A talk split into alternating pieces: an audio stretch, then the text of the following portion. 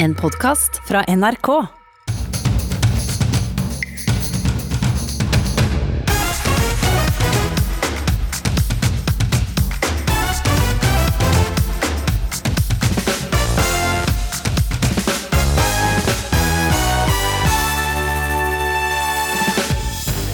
Hun overlevde brannen på Scandinavian Star, men mistet sin mann i tragedien.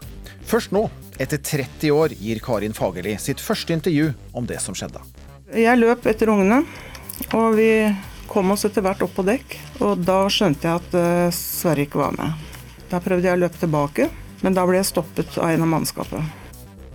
Dette var uken hvor franskmenn måtte slutte å kysse, og norske skoler måtte stenges. Koronaviruset inntar stadig nye arenaer, og det merkes eh, på apoteket. Det var jo én kunde som ønsket å kjøpe et godt immunforsvar. Og så skal vi høre om da Frp-pins ble til ørepynt i Mali.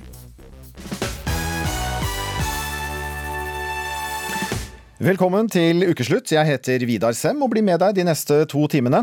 Og så har jo nettopp startskuddet gått for kvinnenes 30 km i Holmenkollen. En skifest uten publikum. Vel, vi tar turen dit straks for å høre med folk som har trosset anmodningen om ikke å komme pga. koronasmitte. Og så hører vi også nå om fulle unge personer som må tas hånd om av Røde Kors og politi.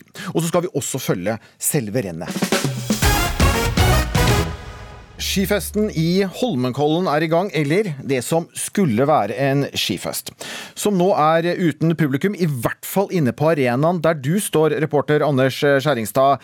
Ja, kvinnenes tremil startet for få minutter siden, og det uten publikum. Hvordan ser det ut der du står?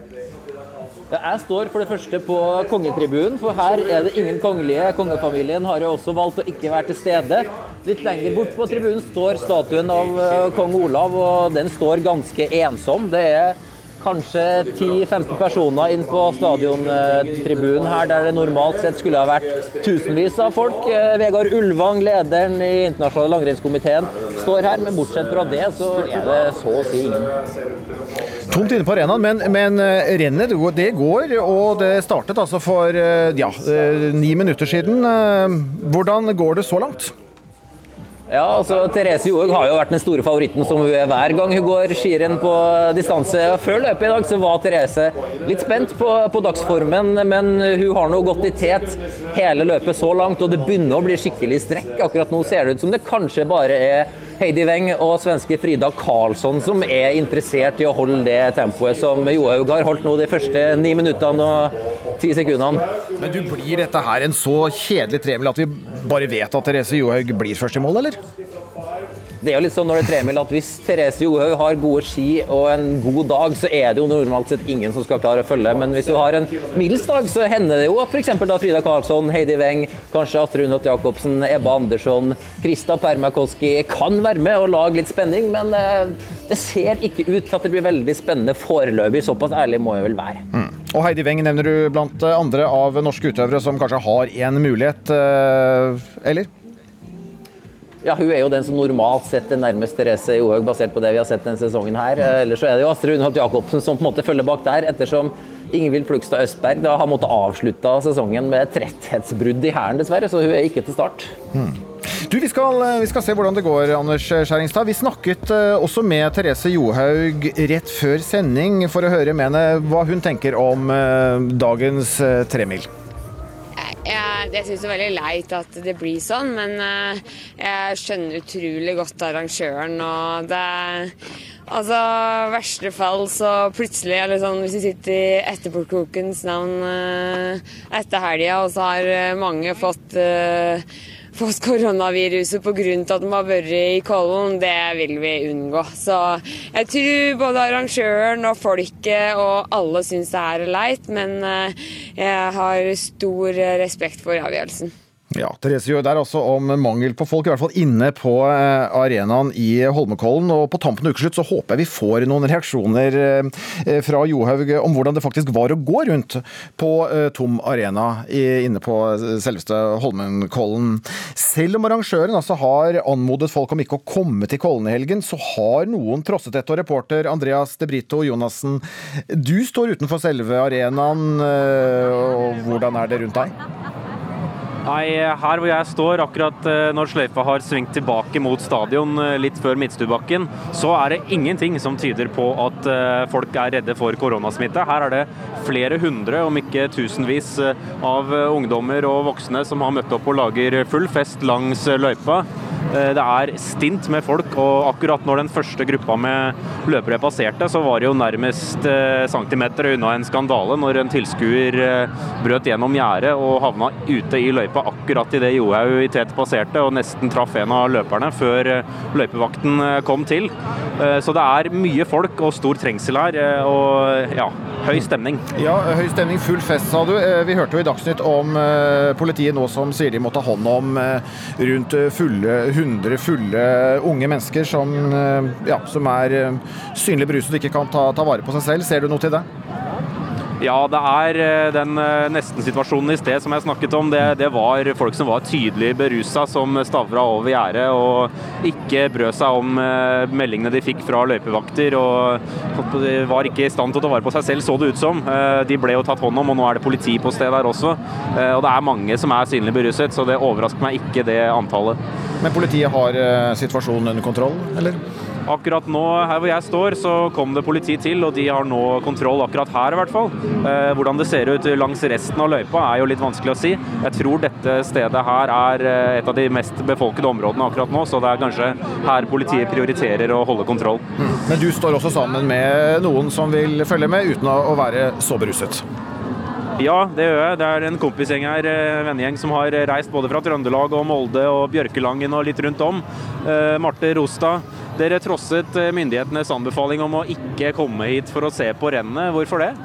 Vet du, vi er her for å kjøre på ski, ha det artig og feste. Vi ser ikke noe forskjell på det her og en vanlig fest ut på byen på en lørdagskveld. Du er ikke bekymret for noe smitte? Nei, ikke, nei egentlig ikke. Nei. nei. Enkelt greit. og uh, Anders Aure, som også er med her, eh, ble det overraska når du kom hit og det var så mye folk?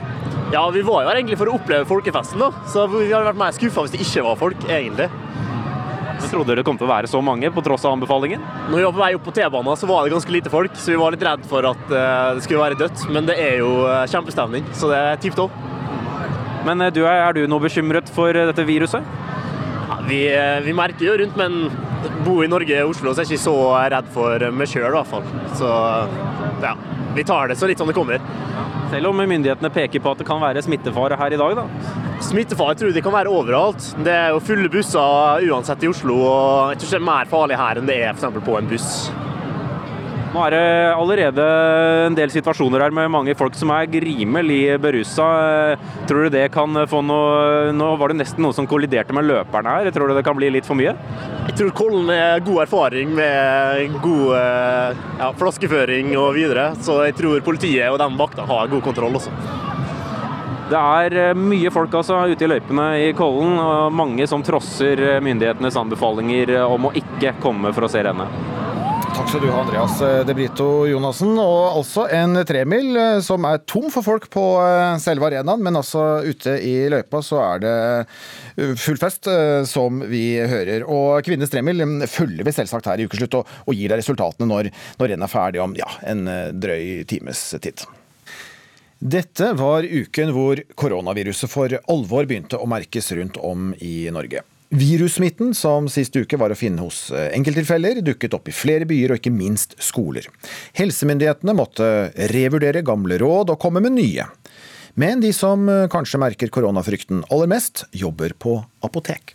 Den hadde vi full antibac, men der har vi jo ikke noe mer. der er det dessverre helt tomt.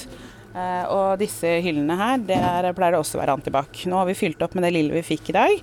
Det er bare noen få flasker med desinfeksjonsvæske igjen. Apoteker Jemi Avoyemi må stadig fylle på med mer antibac i hyllene på Apotek 1 Sfinksen i Oslo. Eh, og vi har dessverre også vært nødt til å ha restriksjoner på antall enheter eh, per person. Ja, Hva står det der? Eh, maks én per kunde grunnet stor etterspørsel. Hva er det folk spør om?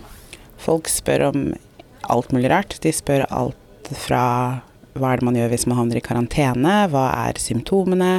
Hvordan kan man beskytte seg? Eh, ja, hvordan bruke antibac? Trenger jeg virkelig munnbind? Hva er det rareste dere har fått spørsmål om? Nei, det var jo én kunde som ønsket å kjøpe et godt immunforsvar. Eh, og da måtte vi bare gi litt generelle tips. Det må man dessverre ordne på egen hånd. Men eh, vi kan gi noen gode tips i retning av å spise godt, sove godt og ta godt vare på seg selv. Gjør du noe spesielt for å unngå smitte? Nei, jeg vet ikke. Jeg syns det er hysterisk. Det finns, altså, ja, det er en ny sorts influensa, men eh, flere dager av vanlig influensa. Ute på gata er noen helt avslappa, mens andre bidrar til å holde salget av antibac oppe. Eh, det er eh, Altså, når jeg har vært på T-bane eller eh, blant folk på kollektivtrafikken, også på jobb, men heller ikke for mye. Det tror jeg ikke er bra. Nei, jeg er forsiktig og vasker hendene ofte. Ja, spesielt på jobb, siden jeg jobber på Gardermoen. Man er litt redd for å hoste da, hvis noen hører på. så jeg tenker wow. Men jeg prøver ikke å ta du så jeg går med hanskene på. God kveld og velkommen til Dagsrevyen. Eh, ja, Det er dessverre en eh, ansatt hos oss som jobber på øyeavdelingen eh, ved Oslo universitetssykehus som testa positiv for koronavirus. Forrige fredag sto administrerende direktør ved Ullevål sykehus, Bjørn Atle Bjørnbett, alvorstynga på Dagsrevyen og fortalte at sykehuset var blitt en smittekilde. Noen vil jo spørre når vil norske helsemyndigheter bruke de samme litt mer kraftfulle tiltakene som vi har sett i andre land? Stengning av skoler, barnehager, bydeler osv. Jeg vil understreke at per i dag så er vi ikke i den situasjonen. Tirsdag så direktør i Helsedirektoratet Bjørn Gullvåg ingen grunn til å stenge skoler. Koronaviruset har nådd skolene, og flere elever og lærere får nå beskjed om å holde seg hjemme. Men så spredte viruset seg, og i går var situasjonen en annen. Vi valgte å stenge skoler fra morgenen i dag. Det er pga. Eh, påvisning av smitte eh, fra en lærer. Ordfører Frode Revhaug i Frosta kommune i Trøndelag måtte stenge både skole og barnehage. Altså, Det er jo bekymringer ute og går, det er det. I Stavanger ble ikke skolene stengt, men elever på samme trinn som de smitta ble bedt om å holde seg hjemme.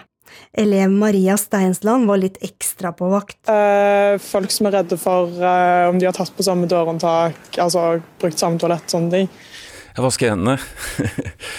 vasker hendene uh, ofte og lenge, og prøver å holde meg unna folk som uh, jeg syns ser ut som de har symptomer. Kommentator i Aftenposten Joakim Lund mener alle må ta ansvar for at koronasmitten spres minst mulig. Og det tenker jeg er superviktig nå. Dette er et solidaritetsprosjekt.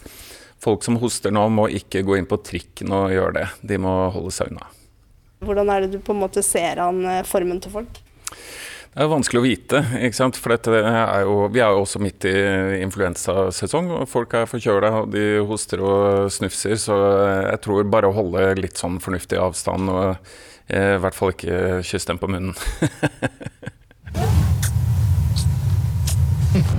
Dette er lyden av franske mennesker som hilser på hverandre, med minst to kyss på kinnet, ofte flere.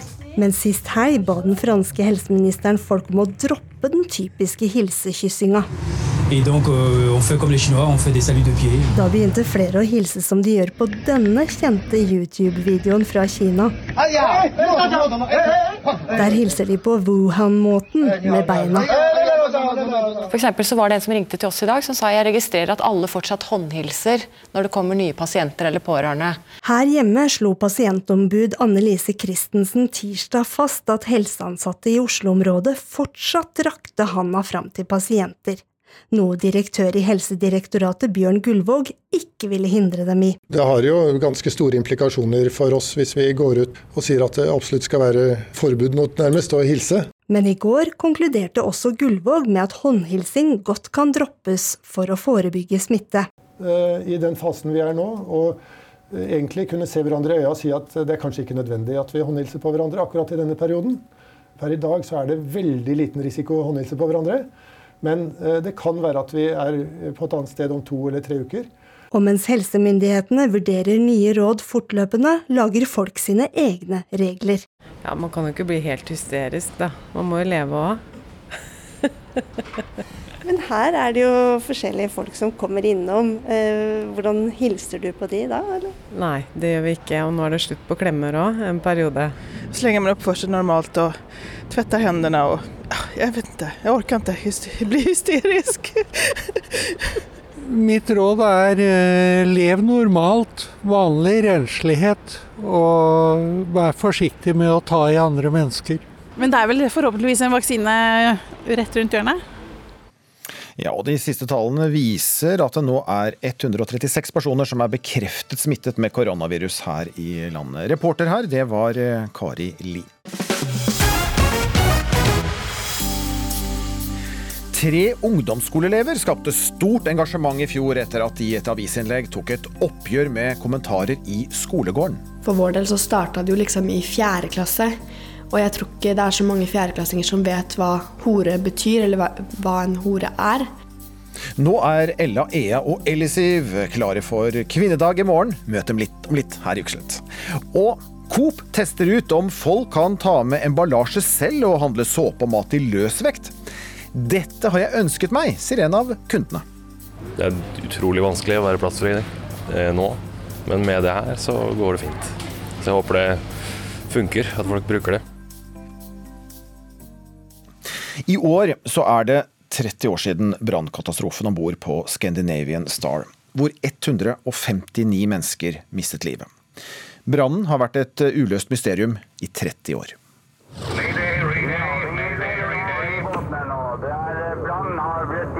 Natt til 7. april i 1990 var passasjerfergen Scandinavian Star på vei fra Oslo med kurs for Fredrikshavn da det begynte å brenne om bord. Hva gjør jeg nå? Ja, det er så mye folk, jeg må prøve å stoppe brannen.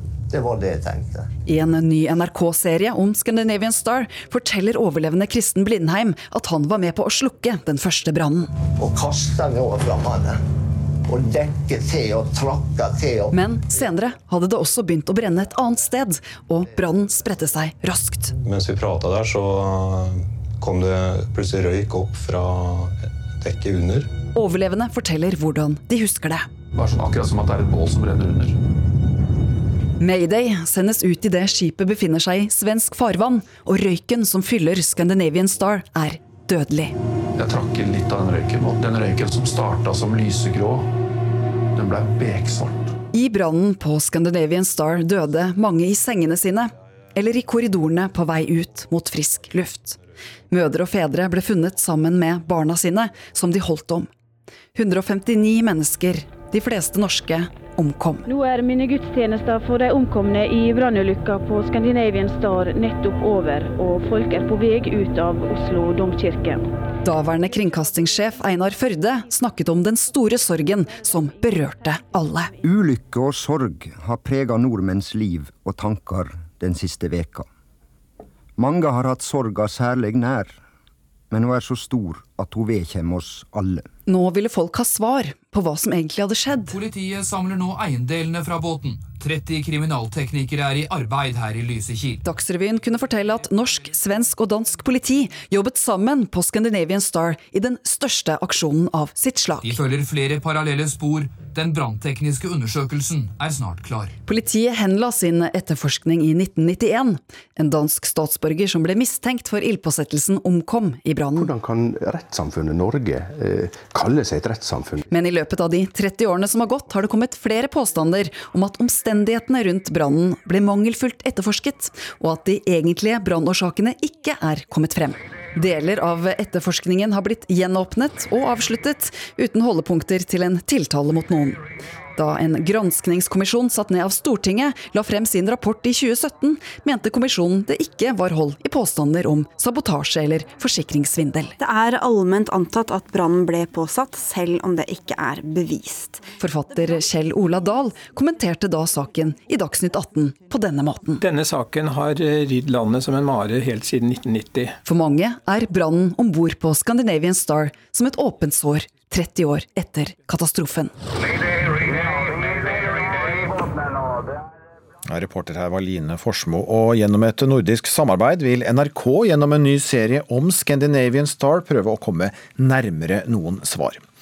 Vi skal straks møte Karin Fagerli. Hun overlevde brannen, men mistet mannen sin om bord på Scandinavian Star.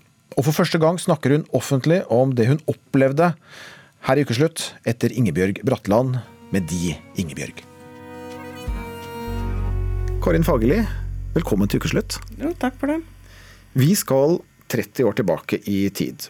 Du var på vei til påskeferie med din mann Sverre og din yngste datter på 13 og hennes venninne på 12. Og et vennepar som dere skulle feire påske med i Danmark. Dere kjørte om bord i fergen Scandinavian Star fredag 6.4.1990. Til den båtturen som skulle bli så katastrofal og skjebnesvanger. Og mens dere fortsatt satt i bilen, som da var på vei til parkering inne i båten, hvilke følelser gikk gjennom deg fra passasjersetet? Eh, jeg opplevde at eh, båten eh, ikke var klar til å kjøre. Det var rot overalt dersom vi skulle parkere, langs veggene. Ja. Og det ble også litt kaotisk når vi skulle parkere, sånn at vi ikke visste hvor vi skulle skulle sette bilen. Det virka som de ikke var helt klar over hva de skulle gjøre, de enkelte. Du hadde en dårlig magefølelse? Jeg hadde en dårlig magefølelse. Men mannen min sa det at du må huske på at dette her er Dano-linjen, så det er sikkert. Dere kom dere om bord og gikk ut av bilen, fant lugaren, og så ble det kveld og natt. Ta oss med til lugaren hvor du og din mann samt de to jentene sov. Klokken var rundt 2.30. Hva skjedde? Ja, Vi hadde gått og lagt oss ved tolvtiden, og sovna vel ganske umiddelbart, for vi hadde jo vært på jobb og skole. Og så plutselig så roper mannen min eh, 'Karen, du må våkne, for det brenner'. Og da, Dette hørte jo også ungene, de våkna. Sånn at vi var jo på gulvet alle sammen ganske raskt. Eh, vi eh, Line prøvde å løpe ut i korridoren, men kom tilbake, for det var mye røyk i lugaren. Og enda mer røyk ute i korridoren. Og da tenkte jeg ganske mange tanker, men jeg tenkte at jeg må våte håndklær, sånn at vi får for nese og munn. Sånn at øh, vi ikke får all den røyken i oss, da. Og det gjorde jeg, og da begynte ungene umiddelbart å løpe oppover korridoren. Og da tenkte jeg bare at jeg må følge etter dem, så de ikke blir borte for meg. Og dere kom dere opp til dekk, men du manglet din mann Sverre? Ja, vi kom på dekk, og da skjønte jeg at Sverre ikke var med oss. Og da prøvde jeg å løpe ned, ned i lugaren igjen, men da ble jeg stoppa av en av mannskapet. Heldigvis. Hva tenkte du om Sverre der og da? Nei, jeg tenkte at han er en type som alltid klarer seg, så dette her går sikkert bra. Han har sikkert løpt en annen vei, og jeg tenkte også han kanskje hadde løpt ned for å advare de som vi kjørte sammen med, for de lå på dekket under. Dere ble evakuert uh, om bord i en livbåt, uh, men dere ble også liggende og drive ganske lenge på åpent hav? Uh, det gjorde vi. Og det er noe jeg ikke husker så veldig mye av, egentlig. Jeg husker bare at vi gjorde det. og det var heldigvis det jeg tenker, at det var veldig stille vann da. Det var nesten ikke bølger i det hele tatt. Så det var jeg veldig glad for. Til slutt ble dere plukket opp? Da ble vi plukka opp, ja. Og hvor lenge det tok, det vet jeg ikke. Det var en lastebåt. Lasteskipet Radnes. Når var det dere skjønte at Sverre, din mann og pappaen til dine to døtre, ikke overlevde brannen på Scandinavian Star? Vi skjønte det vel egentlig ganske fort. Men man vil jo helst ikke skjønne det, kanskje. Så det endelige var jo når jeg fikk beskjed fra Etter at han var identifisert. Og det tok jo i hvert fall halvannen uke. Vi venta jo på at navnet hans skulle komme. At han kanskje var kommet til land et helt annet sted. Men egentlig så visste jeg jo at han ikke kom. Det gjorde jeg. Og heller ikke venneparet dere dro sammen med, som hadde med seg sønnen, hans samboer og deres lille datter på bare ti måneder, overlevde brannen på Scandinavian Star. Det er snart 30 år siden denne katastrofen. På hvilken måte har den vært med deg opp gjennom alle disse årene? Altså, Den har jo vært med, selvfølgelig. For det var jo mannen min som omkom. Og et godt vennepar med sin familie. Og Det er jo faren til barna mine, så det har jo absolutt vært med på, på å prege livet, sikkert. Men jeg har jo også tenkt at uh, vi må jo tenke framover. For um, det går jo å gjennomleve en krise og en sorg med å komme med begge beina ned, på en måte. tenker jeg. Sånn at det er viktig å jeg, jeg, tenker at det er viktig å se framover, både for at jeg hadde to tenåringsdøtre. At uh, livet går jo videre.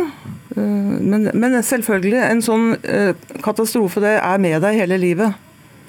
Selv om du på en måte legger ting bak deg, så Og vi har jo også blitt minna på det gjennom media. Og det er klart, da kommer det jo spesielt opp. Og så er det jo den dagen hvor han døde.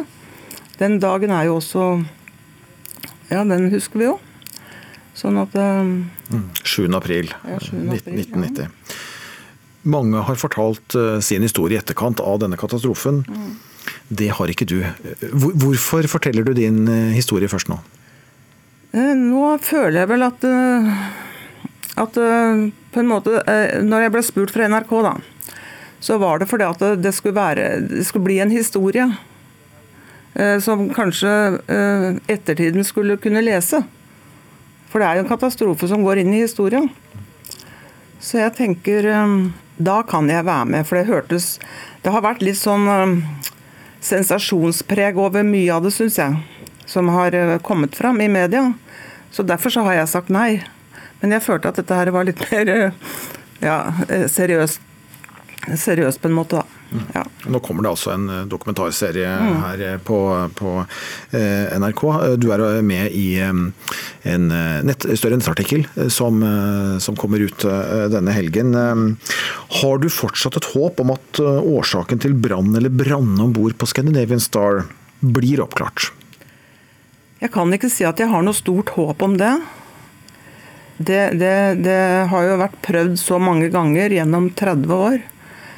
Så at det er noen nye opplysninger som, kan, som har kommet fram nå, det, det, vet jeg ikke. Men eh, jeg kan heller ikke skjønne at det skal kunne gjøre det. Så jeg har ikke noe stort håp om at den blir oppklart, men jeg vet, at den ikke, altså jeg vet ganske sikkert at den ikke er oppklart. Hadde det vært viktig for deg? Ja, det syns jeg absolutt. For jeg syns jo at uh, de som gjør noe sånt, skal kunne stå for det. Eh, det syns jeg er viktig. Og 30 år etter så, så vet vi eh, fortsatt eh, ikke svaret. Men for deg så var det altså en mann som ble revet bort fra sin kone, mm. og en far som ble revet bort fra sine døtre i denne katastrofen. Altså 159 mennesker mistet livet. Mm. Takk for at du kom til ukeslutt, Karin Fagerli, og fortalte din historie fra den skjebnesvangre natten for snart 30 år siden. Bare hyggelig. Og vil du lese mer om Karin Faglis historie og brannen på Scandinavian Star, så gå inn på nrk.no. For et år siden skrev ungdomselevene Ella, Ea og Ellisiv innlegget 'Billig og pulbar'. Hashtag metoo kom aldri til skolegården i Aftenposten. Innlegget skapte stor debatt, og jentene blir fortsatt invitert til å holde foredrag for forskjellige organisasjoner og for å belyse samfunnsproblemet. I fjor holdt jentene appell på Jungstorget i Oslo under 8. mars-markeringen. Nå er de klare for å feire årets kvinnedag. Feminisme Skal vi se mm. Her er den ene presentasjonen vi hadde. Det her var for Redd Barna, som ambassadører som de har som er barn. 15-åringene Ella, Ea og Ellisiv viser frem et av foredragene de har holdt for ulike organisasjoner og grupper i løpet av det siste året. Uh, ja, så er det oss på Stortinget. Og jeg som er starstruck når jeg møte Jonas.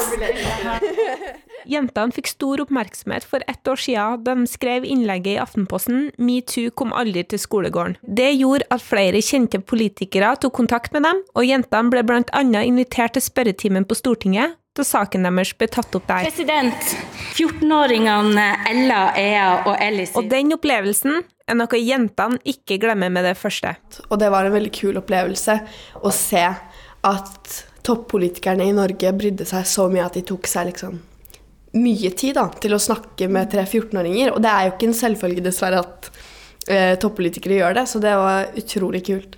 I artikkelen i Aftenposten tok de et oppgjør med sexistiske kommentarer spesielt jenter får slengt etter seg i skolegården. Hore, sløtt, fitte og ord som har en dypere betydning, men som man bruker i sammenhenger hvor det ikke passer inn, på en måte. Jeg tror ikke veldig mange tenker på betydningen av ordet, men jeg føler det også er et resultat av veldig normalisert sexisme. Da. At man har brukt ordene så mye at de slutt har mistet den betydningen de i utgangspunktet har. Og det er jo på ingen måte positivt. Og nå, i ett år, har jentene kjempa offentlig for å bevisstgjøre at barn og ungdommer blir møtt med nedsettende seksuelle bemerkninger på skolen. Vi har holdt foredrag for Redd Barna, ambassadører derifra.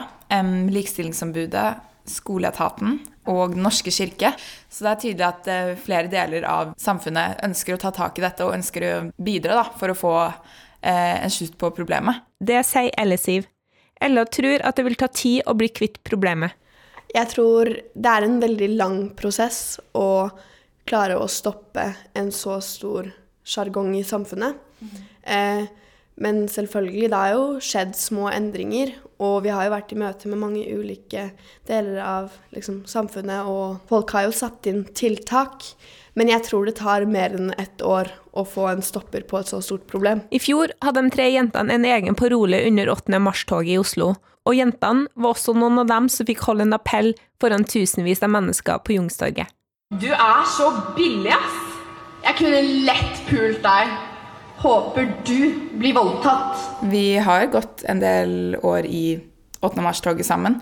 Så ja, det var jo der på en måte inspirasjonen vår til å starte en parole kom, da. Jeg har ikke opplevd at det er så mange unge som går i 8. mars-toget. Men når denne parolen kom, så så vi at det var så mange flere unge som møtte opp bak vår parole, noe som var helt fantastisk å se. Vi, jeg tror vi var den med flest bak parolen. Ja, jeg er litt usikker på om det var vårt eller vår ja. som hadde flest bak seg. I år blir ikke jentene å se i toget i Oslo, da de har andre planer, men parolen skal likevel bestå. Eh, I år så skal vi til eh, Sykkylven eh, på Sunnmøre og holde appell der. Og så på mandag, 9. Eh, mars, så skal vi holde foredrag på skolen. I fjor så handlet det jo mest om å varsle og fortelle folk at dette er et stort problem som ikke mange er klar over. Men i år så tenker vi å snakke mer om løsninger og tiden fremover. Har dere kommet med noen gode løsninger? Vi har jo alltid vært for dette om at seksualundervisning må komme tidligere. Og også dette å lære om grensesetning. Og at alt sånn som har med dette temaet eh, på en måte kommer tidligere. At folk lærer å respektere andre. Vi også tror veldig på at vi må sette inn flere ressurser eh, til f.eks. For forskning, sånn at vi kan finne ut hva som ville vært de mest pedagogiske løsningene. Mm. Men det som er vanskelig oppi alt dette, er det at vi er jo fortsatt bare 3-15-åringer. Vi har jo ikke alle svar.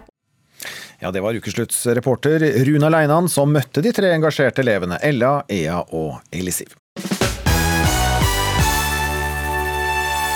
Vi skal eh, langt nord nå, for det tradisjonsrike Finnmarksløpet går av stabelen for 40. gang i år. Statsminister Erna Solberg åpnet Hundesledeløpet i Alta i går kveld, og kronprins Haakon var også til stede. Vi har med oss reporter Alf Harald Martinsen fra Alta nå.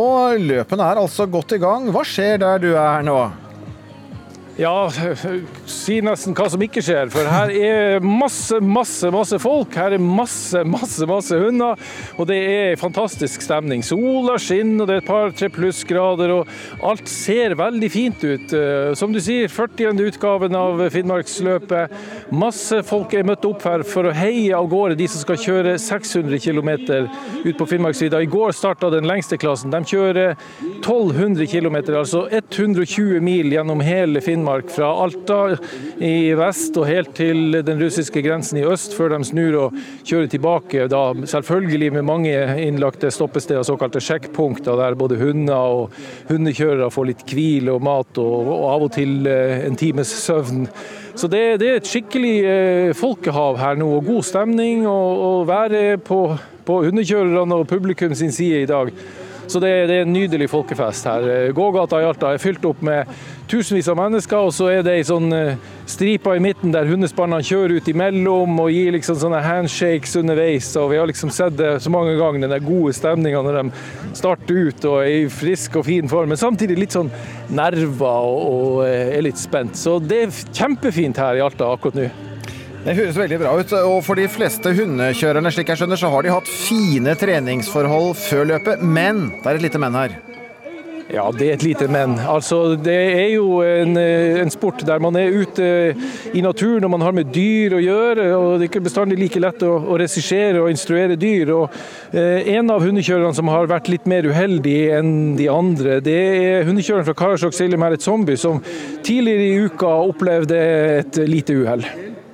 På tirsdag så skulle jeg ta den nest siste treningsturen, og så skulle jeg teste det konkurranselinesettet mitt, og plutselig så sto jeg igjen uten hunder. Så idet jeg skulle starte, så dro spannet. Så jeg måtte starte etter med dem med scooter, og, og plutselig så bare smalt det. Du, du krasja med noe? Ja, jeg krasja med et nedbrent eh, scooter som hadde bare brent sånn to timer før. Hva som skjedde med deg og scooteren din, da? Scooteren min ble ødelagt, og jeg sjøl eh, fløy, ja, fløy også sammen med scooteren. Men eh, ja. Det var såpass alvorlig at du ble sendt til sykehus? Ja, jeg ble sendt med helikopter, men det, var, det er jo så mye eh, energi så energi i krasjet, så ja. Men det gikk ganske bra med meg, ja. ja hva, hva de sa på sykehuset da om helsa og kroppen? og på sykehuset sa de at jeg hadde hatt englevakt, at eh, de forventa at det skulle være verre enn det her. Um, de sa jeg må bare kjenne på helsa og, ja, og prøve å kjøre hvis jeg føler for det, men uh, ja. Ja, Hun eh, skal kjenne litt på kroppen hvordan den er nå når hun skal ut og kjøre 60 mil. Alle skulle vel selvfølgelig ønske at man hadde en kropp som var tipp topp. Men Silje Mæret Zombie hun er tøff og gir seg ikke. Har kjørt Finnmarksløpet før, så hun vet hva hun går til. Og hun eh, gleder seg også til å komme ut på, på vidda. Det er der hun trives i lag med hundene sine. og det er jo mange her som, som, heier på dem som ikke nødvendigvis har hatt den beste oppkjøringa. Så er det jo selvfølgelig mange som har hatt det veldig fint og trent godt. Og det har vært ekstremt mye snø her oppe i nord eh, nå i vinter. Så, sånn sett har det vært fine treningsforhold for de som er nordfra. Det, det er ikke noe tvil om det. Mm. Så det, det er duka for en skikkelig eh, ja, fest her. Og så skal de jo kjøre utover i uka, og de siste kommer ikke i mål før på fredagen. da. Mm. Du, eh, Alf Harald Martinsen, vi har jo en, et arrangement her nede i Oslo som jo ble avlyst for publikum, altså Holmenkollen, pga. faren for koronasmitte. Der er altså tribunene tømt, selv om det er folk ute i løypene. Hvordan er det med koronasmitte og engstelse oppe i Finnmark? ja, nei, nei da, vi, vi, vi, vi, ser ikke noen som, eh, som, går med munnbind eller som er veldig sånn, eh, opptatt av å ha stor plass rundt seg. Folk står veldig tett stimla sammen her rundt eh, løypa, og, og jeg, jeg, tror kanskje det virker litt fjernt. Nå er det, jo, det er jo fjernt helt til du plutselig får et tilfelle som, som er nært, og som noen kjenner. ikke sant? Så så, så er det jo eh, noe å, ta, å, å, stresse med. Men ellers så, så, ser det veldig greit ut. og eh, jeg tror ikke, Vi har en som er her og ser på Finnmarksløpet. Du er helsesykepleier i tillegg. Koronasmitte, det er ikke noe du tenker på når du går rundt her? Nei, absolutt ikke. Jeg regner med at de fleste som er her, har tatt sine forholdsregler med hostehygiene som man er opplært til, håndvask og eventuelt antibac. Ja. Og at de ikke er her hvis de er syke og føler seg dårlig, rett og slett. Nei, det er ingen som eh, føler seg dårlig her. Det ser ikke sånn ut. Så nei, arrangementet her i Finnmark og utover i uka ser ut til å gå helt som eh, planlagt. Ja, og så har vi fått den da klare oppfordringen der fra, fra Alta. Eh, om du ønsker å se mer av Finnmarksløpet, så kan du følge med på nrk.no eh, eller på NRK2. Coop eh, tester ut salg av bl.a. såpe, havregryn og ris i løsvekt for å få ned forbruket av emballasje og for å redusere matsvinn. I åtte uker kan kunder ta med egne bokser til både ferskvarer og tørrvarer som et prøveprosjekt. Ukeslutts reporter Linn Beate Gabrielsen fylte opp handlenettet med egne bokser og dro på emballasjefri handelstur. Ja, men jeg tar en vegetar, jeg, da. Ja, og så har jeg sånn Får jeg den oppi den boksen her? Jeg står i ferskvaredisken til Coop Mega på Bislett med min egen grønne plastboks fra kjøkkenet hjemme. Aha, så da legger jeg den oppå brettet der. Et brett i rustfritt stål sørger for at min boks ikke er i kontakt med noe annet i ferskvaredisken. Og så er det jo egentlig det jeg mener er hjertet av Coop Testlab. Daniel Jacobsen Bakke viser meg rundt i butikken. Det er jo ulike løsvektsprodukter. I dispensere som ligner de man kjøper nøtter i løsvekt på, har de ris, quinoa, bananchips, musli, linser og en hel del andre matvarer. Etter å først veid den medbrakte boksen, er det bare å fylle opp akkurat så mye som du trenger. Hva er mest populært her, da? Det er bananchips, og eh, så er det vel havregryn som det går eh, mye av. De, eh, de må fylles på veldig ofte. På den andre sida står det store pumpeflasker med såpe, sjampo, vaskemiddel og vaskepulver i løs vekt. Det er nesten som smågodthylla, de oppvasktablettene og det pulveret med sånn skuffe og Ja, det er jo akkurat like fristende som smågodt også. Så Nei da, men det er det samme at her kan man ta det man trenger. Foreløpig har jeg hatt løsvektseksjonen for meg selv, men så dukker det opp en ung mann med sekk. Syns du dette så interessant ut? Det er veldig interessant. Ja. Jeg har ønska meg det, så det er perfekt. Er det sånne såpeting du er mest interessert i, eller er det mat? Det er egentlig alt, så lenge jeg kan være plastfri, egentlig. Det er utrolig vanskelig å være plastfri eh, nå, men med det her så går det fint. Så jeg håper det funker, at folk bruker det. Jeg tok med meg en eh, glassflaske som eh, det var juice på, som jeg syns funka fint. Hva skal du ha oppi den? Quinoa er jo ganske godt, da. Og sunt og Det er tilfredsstillende å gjøre Det. Spørsmålet er om de andre kundene er like interesserte som Levi. Egentlig godt for miljøet også. Og for oss, fordi det blir mindre penger. kunne du tenke deg å gjøre det? Ja, selvfølgelig. Men det er litt ork å ta med hjemmefra. Men jeg kunne ha gjort det, ja. Hvis jeg skal ha det. Mm. Har dere brukt noe av det emballasjesystemet de har satt i gang her? At du kan ha med egen boks? Nei, ikke ennå, men jeg har sett på det, og jeg har tenkt å teste ut. Mm. Tenker du det virker overkommelig å ha med seg bokser sjøl? Ja, egentlig.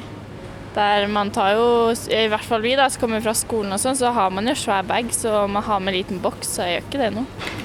Forbruksforsker ved Oslo OsloMet, Torvald Tangeland, tar også en titt på dette prøveprosjektet til Coop. Desto mer vi kan redusere det materielle forbruket, desto bedre er det. Er det noen effekt liksom, hvis jeg må gå og kjøpe inn masse bokser eh, da, for å gjennomføre det her? Er det noe mer bærekraftig hvis jeg må kjøpe nye bokser? Hvis en kommer her og kjøper én sånn boks, og gjør det én gang, så er det veldig negativt. Eh, dersom en eh, bruker den boksen flere ganger, eller bruker en boks en allerede har, så har det et potensial til å redusere behovet for produksjon av emballasje, og det har en positiv effekt. Sånn som du kjenner eh, forbrukerne, da. Da må man altså huske på å ha med seg bokser. Og hvis man skal handle sånn på vei hjem fra jobb, og jeg har jo her da et helt nett fullt av bokser, liksom. Tror du man er villig til å gjøre det? Man kan nok ha en positiv intensjon om å gjøre det, men det kan være krevende å få til i hverdagen.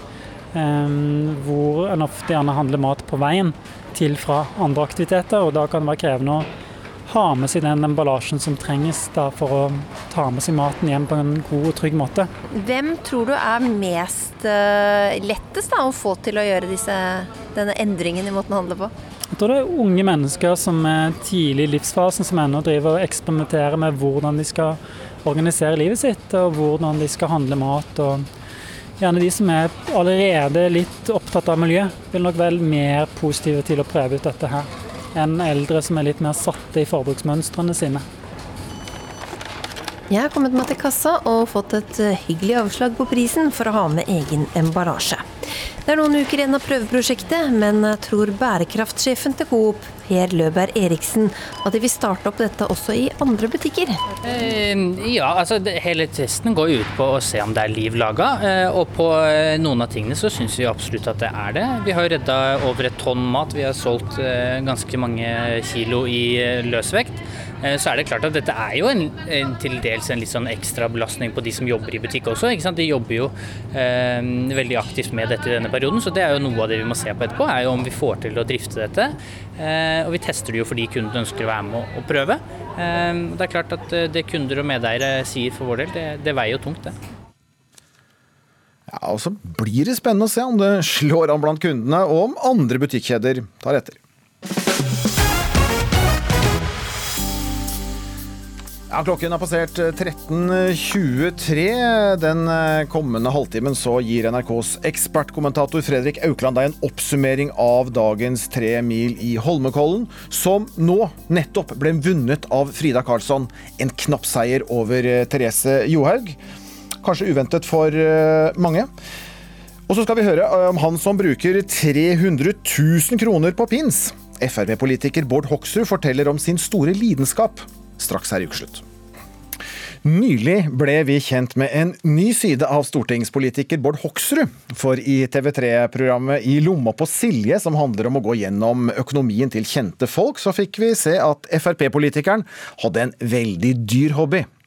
Hoksrud har nemlig brukt over eller nesten 300 000 kroner på pinssamlingen sin i fjor. Velkommen til ukeslutt, Bård Hoksrud. Tusen takk for det. du bare smiler, du. ja, det, um, det, er sikkert mange som syns det der høres helt vilt ut, men, og det er jo òg. Og jeg trodde ikke jeg hadde brukt så mye penger.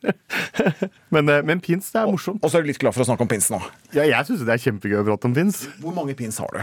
Hvis du tar alt sånn rubbel og bit Jeg har mange som er like, selvfølgelig, og sånn, men, men jeg har nok kanskje opp mot 100 000 til sammen. Så det er wow. sinnssykt mye. Men samlinga mi som er liksom Lillehammerpins og kommunepins, det er på rundt en 3000, tenker jeg. Men du har bare tatt med fattigslig to pins hit i, i, studio i dag. Eh, fortell kort av hva slags pins er det du, det ene du pins, har her? Det ene pinsen jeg har er i lomma på Silje-pinsen. Eh, jeg tror kanskje det var pga. meg at det ble laga en pins eh, i lomma på Silje. Så den er ikke så mange men da tenker jeg på at jeg må spare og ikke, ikke kjøpe så mange nye. Ja, det var en hvit pins, og så har du her, da, beskriv den. Den er rød, rødfarget. Den andre er det nye fylkesvåpenet til Vestfold Telemark. Den fikk jeg av fylkesordfører Terje Riis-Johansen. Jeg fikk også en av fylkeslederen min. Men jeg må si fylkesordføreren, det er litt morsomt å få det fra fylkesordføreren eller fra politikerne og ordførerne og sånn. Ja. Hvorfor er du glad å gå med den, da? Det er jo fordi jeg, jeg, er jo fra Telemark, så jeg skulle egentlig hatt øksa som var i Telemark før. Men her er jo vikingskip, og det også er jo bra, eh, bra på den. Men Fremskrittspartiet er eh, fraværende på, pins, på jakka di i dag. På jakka mi, da er det så jeg, det er jo ikke bra når jeg er på fylkesårsmøte, men du, eh, Bård Hoksrud, eh, her har vi utgangspunktet for din store pinsfascinasjon. Eh, la oss gå 26 år tilbake i tid, ja, og få litt stemning fra den gang presented to the entire world the best Olympic Winter Games ever.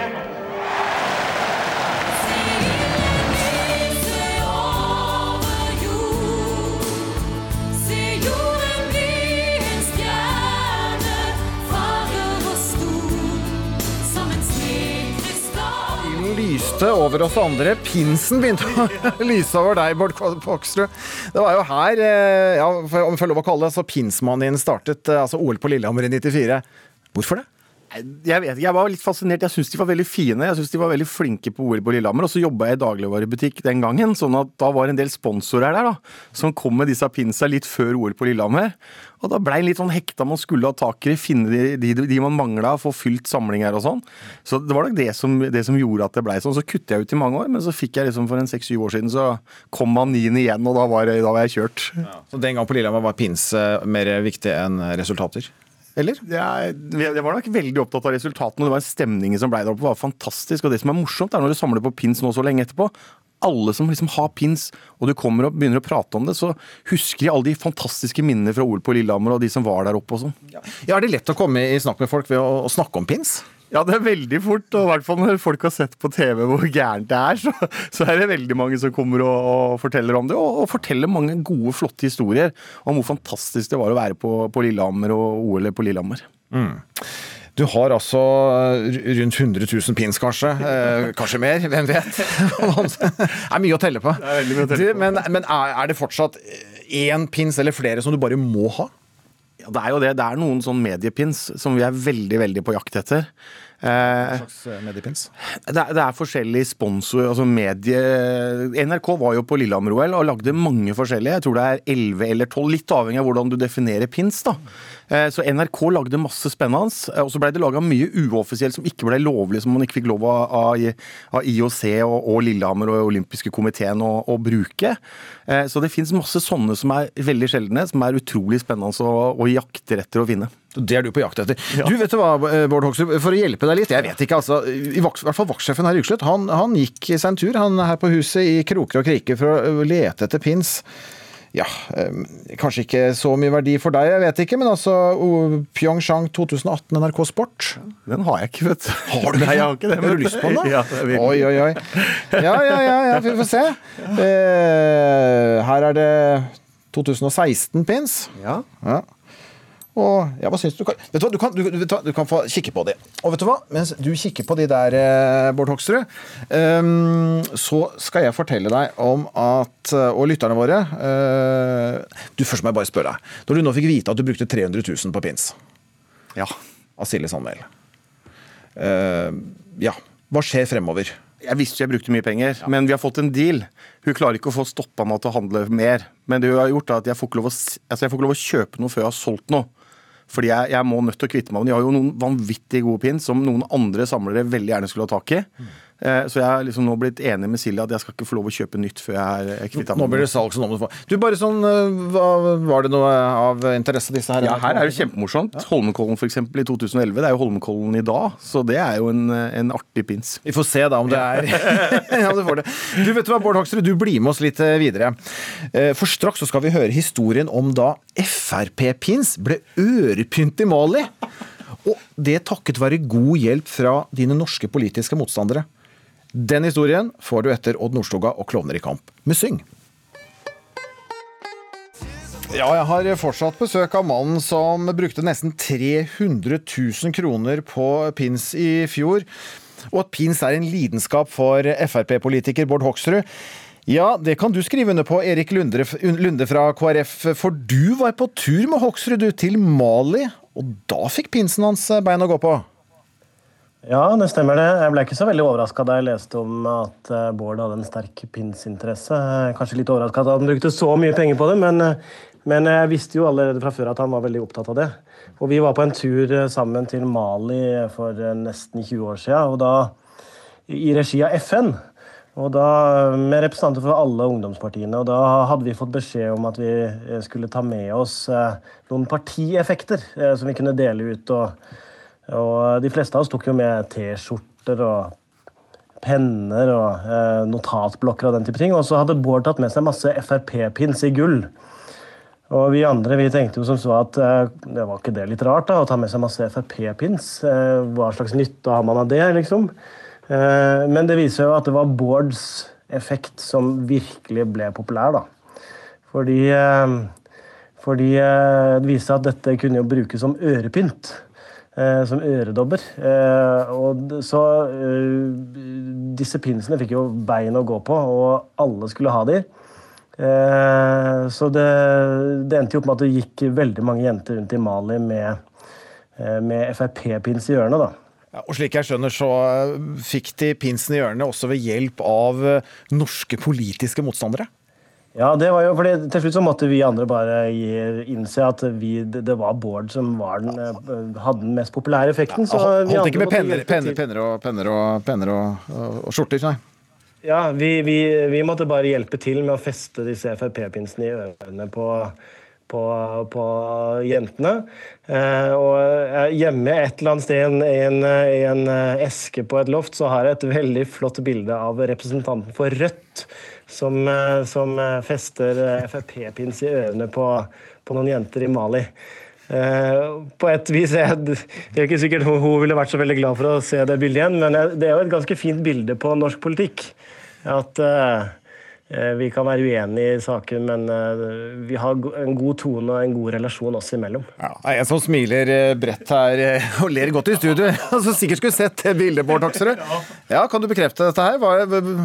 Det var Frp-pins i ørene? Det var masse Frp-pins i ørene, så det, det var kjempemorsomt. Og det er jo det som Erik sier, at det, det er det som er morsomt med norsk politikk. At vi kan være politisk uenige og diskutere så fyllene fyker, men allikevel kan vi ha det masse morsomt sammen og gjøre ting sammen og, og ha det gøy. Putte pins i hjørnet på folk. Putte pins i hjørnet på folk og sånn.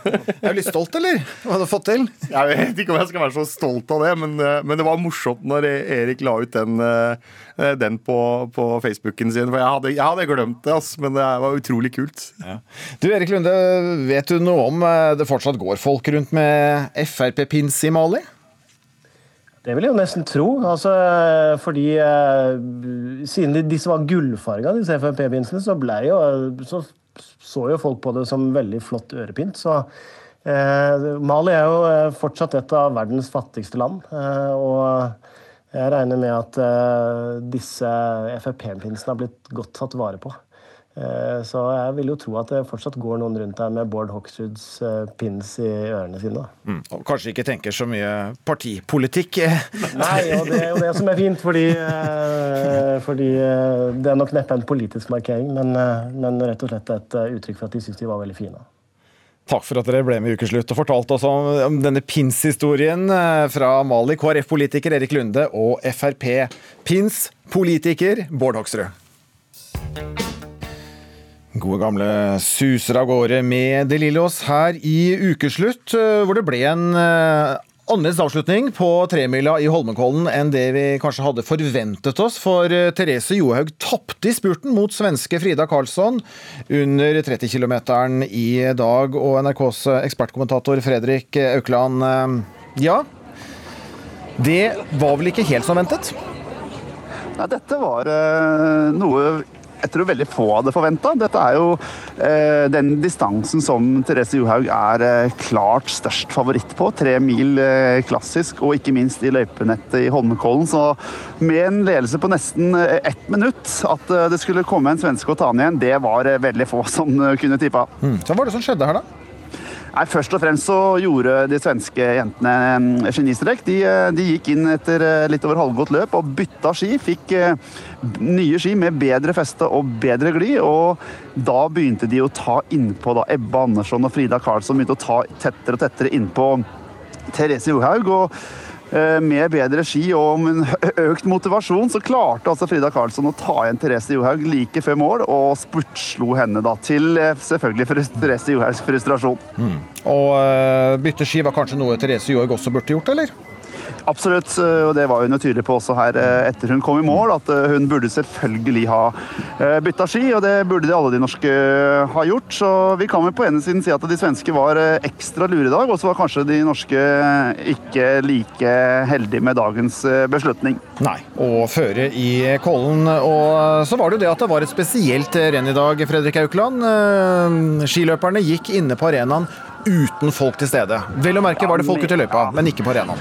Ja, Meget spesiell opplevelse. Jeg var sjøl rundt og gikk eh, like før eh, starten her, og inne på på stadionområdet og de områdene som eh, vanligvis det er mye publikum. Her var det musestille. Mens eh, ytterst ute i løypa, hvor så var det faktisk en del som hadde samla seg. Der var det ordentlig Kollen-stemning. Men her inne på stadion så var det stille som det skulle vært et klubbmesterskap.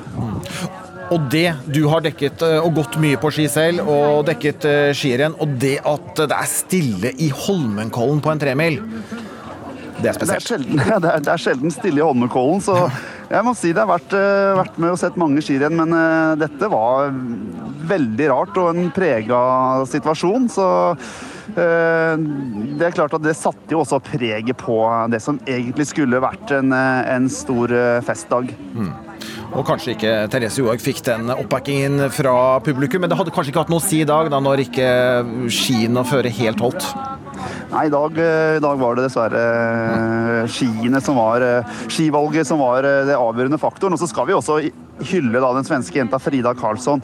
Ung, ung jente som nå har slått Therese Johaug på hennes favorittdistanse. Er en, en, lovende løper for fremtiden. Og det svenske laget de kommer til å komme, så nå har vi i Norge en stor jobb å gjøre med å holde unna for de svenske jentene som kommer, langrennsløperne som kommer nå i årene som fremover. Mm.